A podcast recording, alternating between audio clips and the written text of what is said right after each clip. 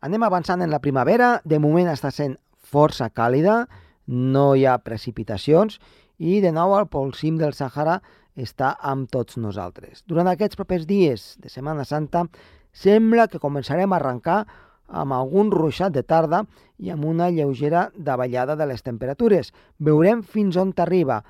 Sembla també que la setmana vinent, ja després de dilluns de Pasqua, arribaria una mica de fred. Si més no, un fred més aviat de finals d'hivern i que podria donar noves nevades al Pirineu. Ho haurem d'anar mirant en lupa perquè encara queden força jornades. De moment, per a aquests propers dies, el que sí està clar és que les temperatures baixen una mica i esperem ja a partir de divendres algun ruixat de tarda, per tant, amb un temps que podríem dir molt i molt primaveral. Comença el torn.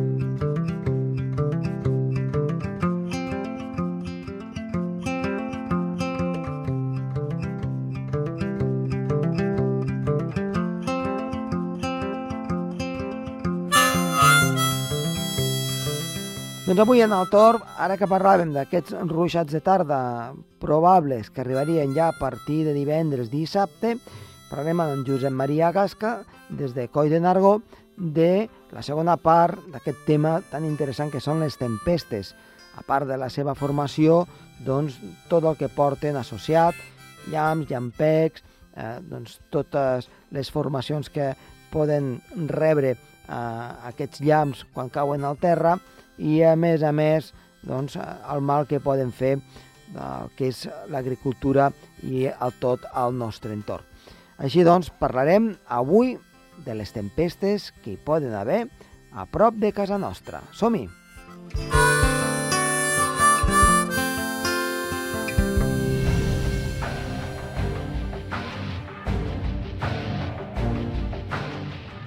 Doncs avui tenim el nostre company, el nostre amic, en Josep Maria Gasca, meteoròleg, que en aquest cas ens parla des de Coi de Nargó.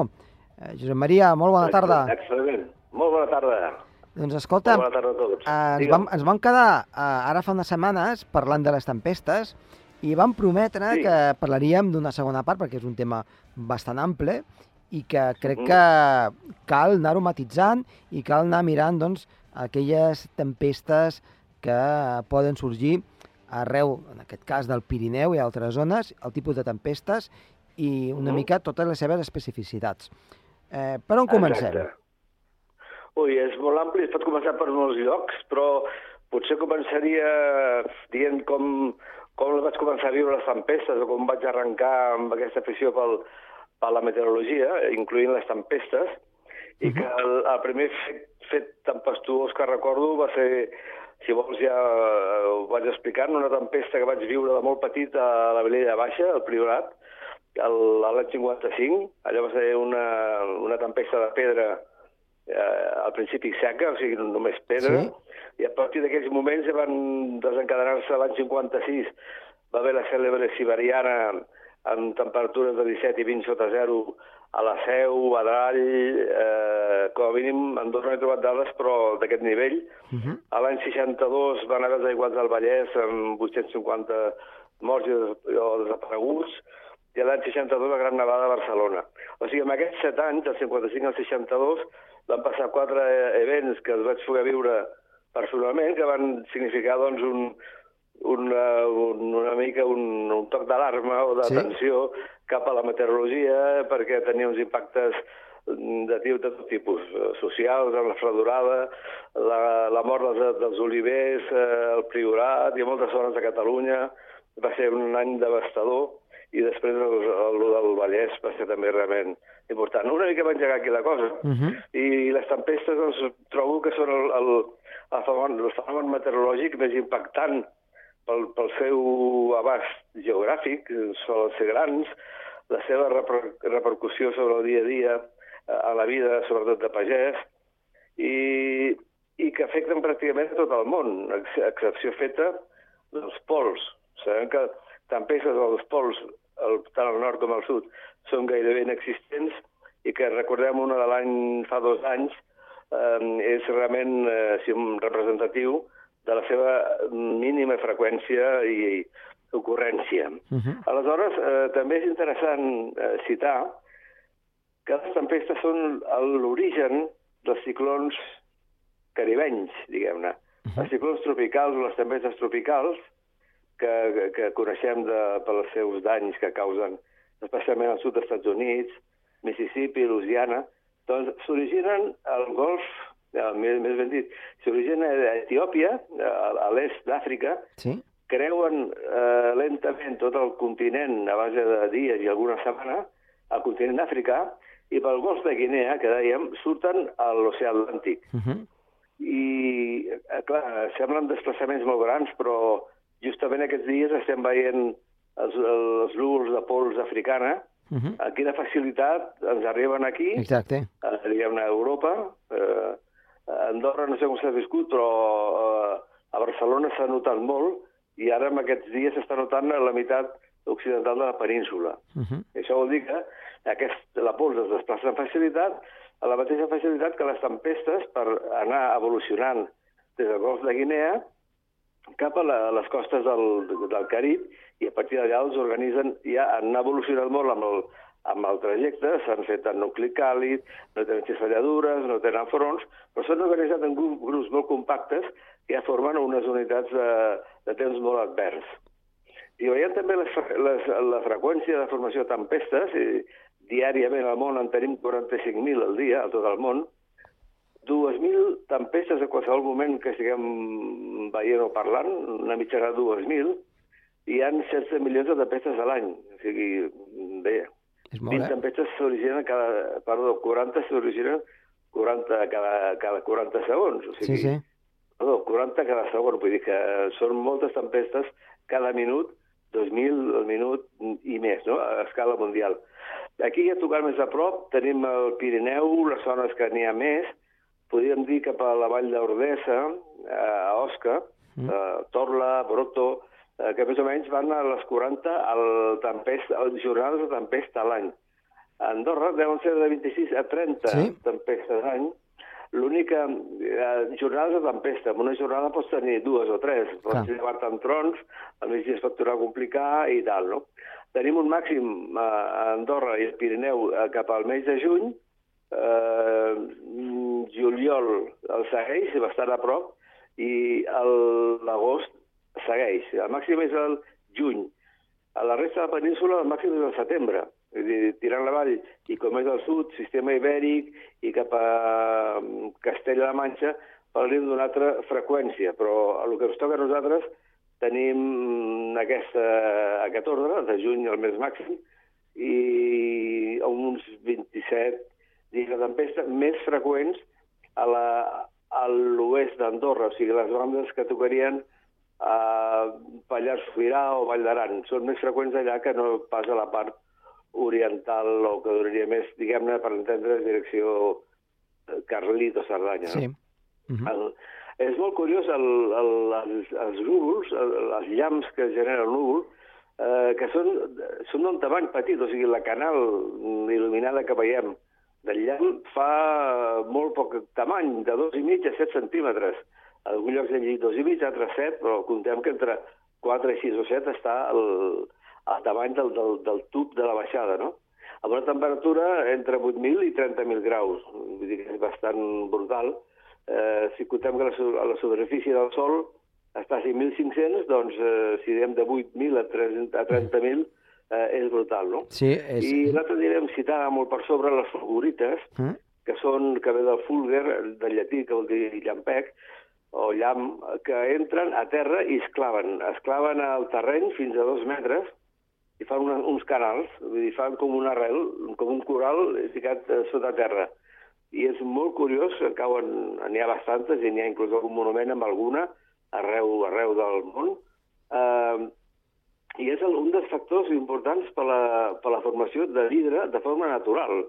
Això és curiós, jo no sé què formava vidre. Natural es forma, i forma de tres, amb tres elements independents. El llampec, el meteorit i l'erupció volcànica.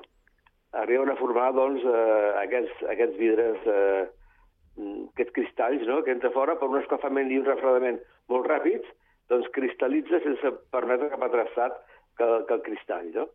Això és bastant, bastant eh, curiós, que puguin fer les fulgurites que arriben a ser inclús artístiques. Són com un corall, si te les mires com un corall eh, invertit, perquè clar, la ramificació va cap avall i, i són bé, un element bastant curiós, no? Parlàvem de les... De les eh, a part, també, per, perdona un moment, eh, que talli, a part, és, és sí. eh, qui troba una fulgurita, eh, podem dir que és un, és un mineral molt apreciat i d'un gran valor econòmic, perquè és, és difícil trobar-lo. Sí. Eh? Sí, jo crec que és, bé, és, és, és quasi casual, no? Sí, a part, clar, a part per exemple, aquí a Andorra seria bastant difícil, perquè, clar, has de, has de tenir un lloc que sigui més aviat sorrenc o sí. d'un material que no sigui roca, eh, sí. perquè, clar, si és una roca, doncs com a molt haurà trencat o... Vaja...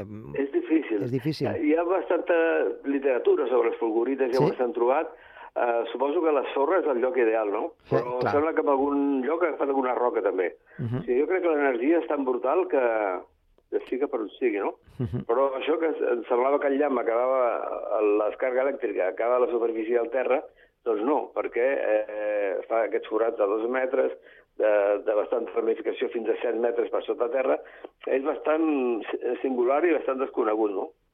També una altra cosa que m'ha xocat bastant, que ja fa temps que es coneixia una mica, que són els llamps, les càrregues elèctriques, es poden produir naturalment dintre els núvols, els cumulonimbus famosos, els grans cúmuls o formacions eh, cumuliformes o cèl·lules convectives, com diem com vulguem.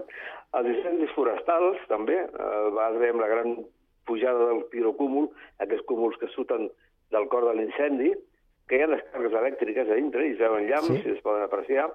I els volcans, també els volcans també produeixen eh, descargues elèctriques al seu interior per raons probablement diferents en cada un dels casos, però eh, hem de parlar doncs, que el llamp no és eh, únicament eh, atribuïble als núvols de tempesta, sinó que eh, quan hi ha fenòmens de, de, de fet, gran energia i sí. càrregues positives i negatives, de fet, fricció sí. de partícules i tal, doncs ho podem engegar, no? És, e, és una diferència de potencial, no? I, i quan, sí. quan hi ha un moment que salta la xispa i ja està, i es fa el camí, no?, el, que s'obre. Exacte.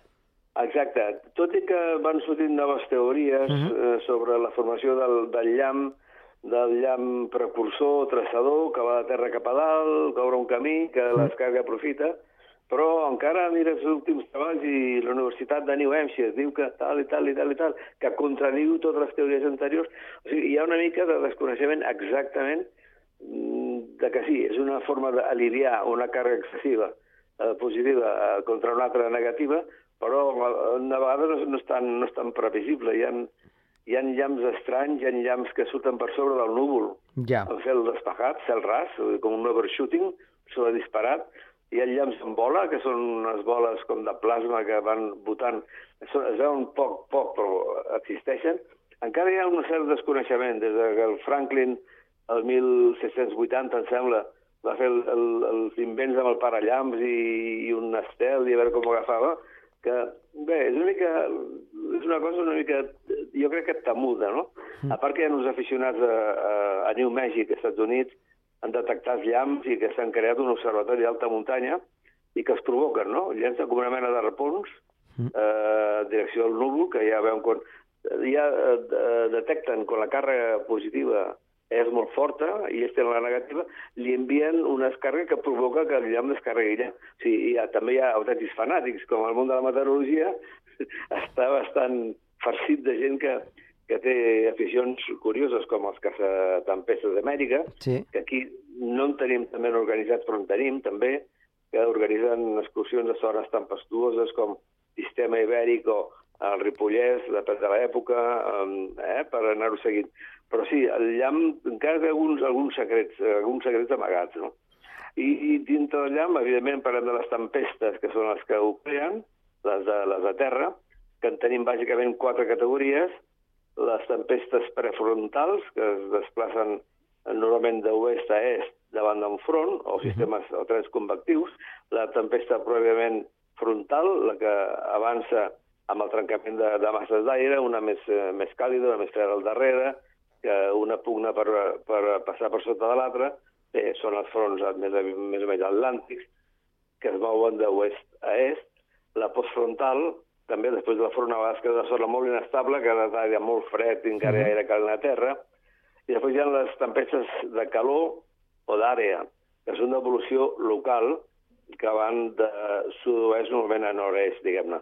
Direcció, diríem, a Madrid, Saragossa, o diríem Sí. d'Andorra, direcció Suïssa, Mhm. d'aquest d'aquest traçat Sí. eh, d'esquerra a dreta, no? Moltes vegades a- a- aquí a Andorra a, a, se'ls forma una tempesta doncs, a, o bé aquí a l'Alt Urgell o si no cap a, cap a la zona eh, doncs, eh, de Pallars Sobirà i Sí. quan salta d'un costat a l'altre remunta el Segre i ens arriba cap aquí. Agafa Sí, una mica aquesta, sí. aquesta direcció que dius tu, eh? Del sud-sud-oest cap al nord-nord-est, aproximadament. No Exactament. sempre, però moltes vegades agafa... Molt sovint. Sí, agafa aqu- aquestes direccions. Sí, Difícil... diguem, la direcció Lleida-Girona, eh? Dic, parlant de grans Sí. capitals, aquesta, Exacte. i l'Urgell, doncs, eh, i suposo que aquí poden venir de, de sí, l'has dit tu, del, del Pallars Sobirà, o de la zona del Pic de l'Orri, o de la zona, d'aquella zona que, direcció Cantó, diguem, una porta Cantó, i pugui entrar pel darrere per els de Civís, o per aquella zona eh, procedent de, del, del su- sud-oest. I, I després O sigui, tenim estan... una, Digues. després tenim unes que sorgeixen cap a el Cadí, tota, tota la zona del Prepirineu, Uh i -huh. que aquí les veiem i que veiem en el radar que donen precipitacions molt fortes i se'n van directament cap al sud, sud-est. I aquí Sí. pràcticament no, no... Sí, aquí és la zona quasi origen, però res, eh? Sí. A, a, a pocs quilòmetres, a la Seu d'Urgell, eh, aquesta, totes aquestes àrees se'n van cap a, o per exemple cap a Coll de Nargó, i, i aquí al Pirineu central ja no ens afecten, però se'n van cap al sud. Sí, sí, el, home, el Cadí, la Serra del Cadí i Moixeró eh, és una fàbrica de tempestes, Mm. però que no progressa cap al nord. No, no, O sigui, d'allà tiren cap avall, cap al. Berguedà i es dissipen més avall. Uh, és curiós, però eh, els corrents dels rius, hi ha, les tempestes tenen com unes línies vermelles, que es diu ara, que no passen amb facilitat. Vull dir, és molt raro que tingui una tempesta uh, d'una determinada direcció a Andorra o, o a l'Alt Urgell i quan normalment totes venen d'una certa, un 80% et ve de Ponent o de l'Oest, sí. una, una minoria ve aquí a Coll de Nargó i Andorra, suposo, del nord. Clar, Andorra, amb, al tenir molta més muntanya, Mm. és molt més fàcil que tanqui la tempesta, que coroni, que s'ajuntin i que, i que generi un, un, almenys una tempesta local. Sí. Potser més, no arriba a la seu, però s'organitza dintre de- dintre d'Andorra, no? Sí, La sí, seu, sí. per cert, és una ombra pluviomètrica, com saps, que és una zona que plou menys que tot al voltant. Tot el curs del Segre, en general, és bastant precari en quant a precipitació. L'únic que, bueno, tenim grans aportacions per part de Valira i per part d'altres muntanyes de- d'altres rius de Cerdanya. Però les tempestes són molt curioses perquè van a pinyó fixa i normalment es mouen en unes direccions molt concretes i, realment canvien, no? És molt estrany que una tempesta vingui, per exemple, de l'est cap aquí, Uh -huh. eh, cap, a, cap a Andorra o cap aquí. De l'est és molt difícil. Del sud és difícil. Del nord hi ha més, però llavors porten pedra. Hi ha determinats orígens que van vinculats a, a, a pedra. Vull dir que són una mica... Una mica mm, segueixen un ritme, però a vegades bastant anàrquic. Eh, Tenen les tres fases de formació, maduresa i dispersió. La formació la tindrem al matí, a mig matí, la maduresa a mitja tarda, fins a mitja tarda, amb precipitació, i la dispersió és a la nit. Eh, normalment en diem nuvolositat d'evolució diurna, o núvols de creixement vertical, i de fet necessiten bàsicament molta energia, eh, necessiten aliment. Eh, L'aliment és eh, calor, eh, humitat i ascendència de l'aire.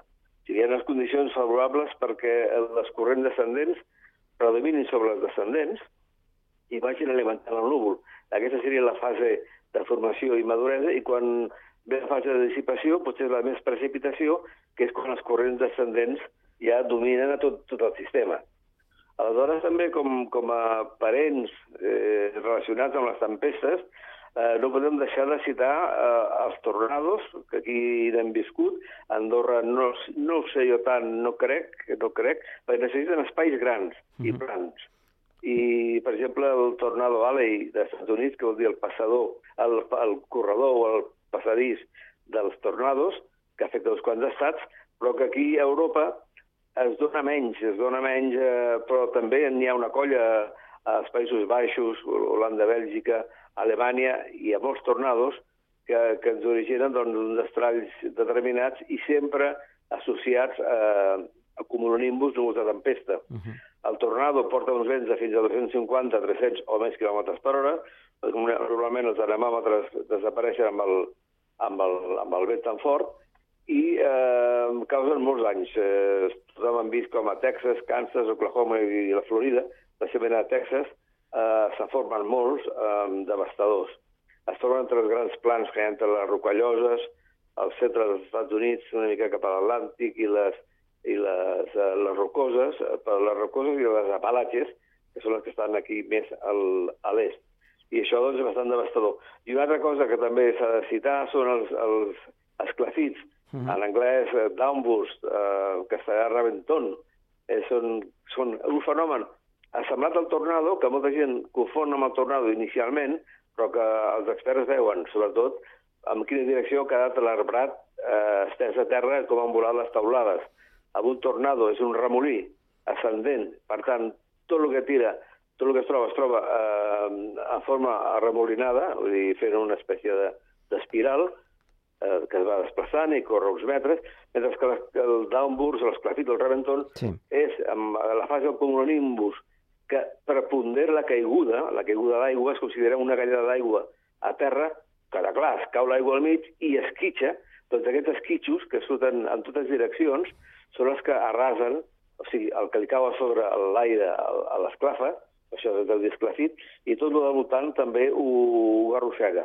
Molt perillós per l'aviació, perquè hi ha eh, esclafits secs i n'hi ha d'humits, i quan són secs no es veu, diguem-ne que l'avió visualment no ho veu, uh -huh. eh, així com un tornado és clarament evident, un, un esclafit no el veus, i et proporciona sustentació afegida artificial a l'avió quan s'hi atansa, quan es va acostant, perquè el vent li bufa de sota, perquè és vent que ve rebotat, que ha caigut, ha rebotat i aguanta l'avió, i a mesura que l'avió, estem parlant de la fase ja d'aproximació final, està a punt d'arribar a capçalera de pista, pot trobar doncs, que li falli la sustentació perquè ha entrat en una altra fase que, que el vent l'agafa encara que cau, que encara no ha rebotat. Mm. I aleshores li falta motor, li falta velocitat li falta tot per arribar a la, a la pista. No?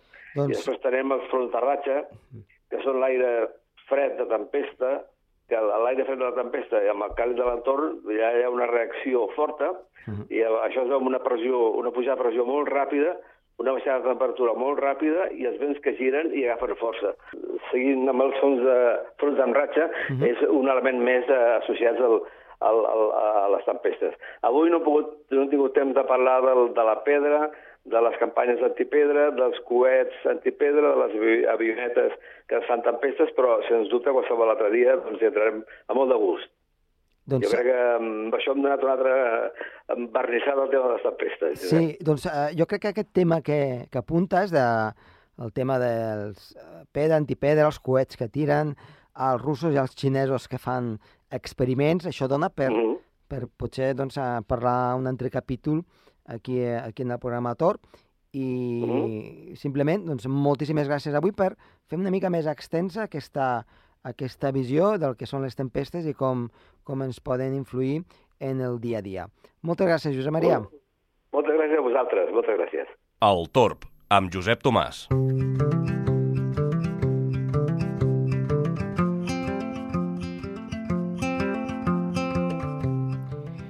I fins aquí el programa d'avui. Esperem que els hi hagi agradat. Tornarem la setmana vinent. Ha estat a les vies de so, David Carmona, i que els ha parlat amb molt de gust. Josep Tomàs, adeu-siau.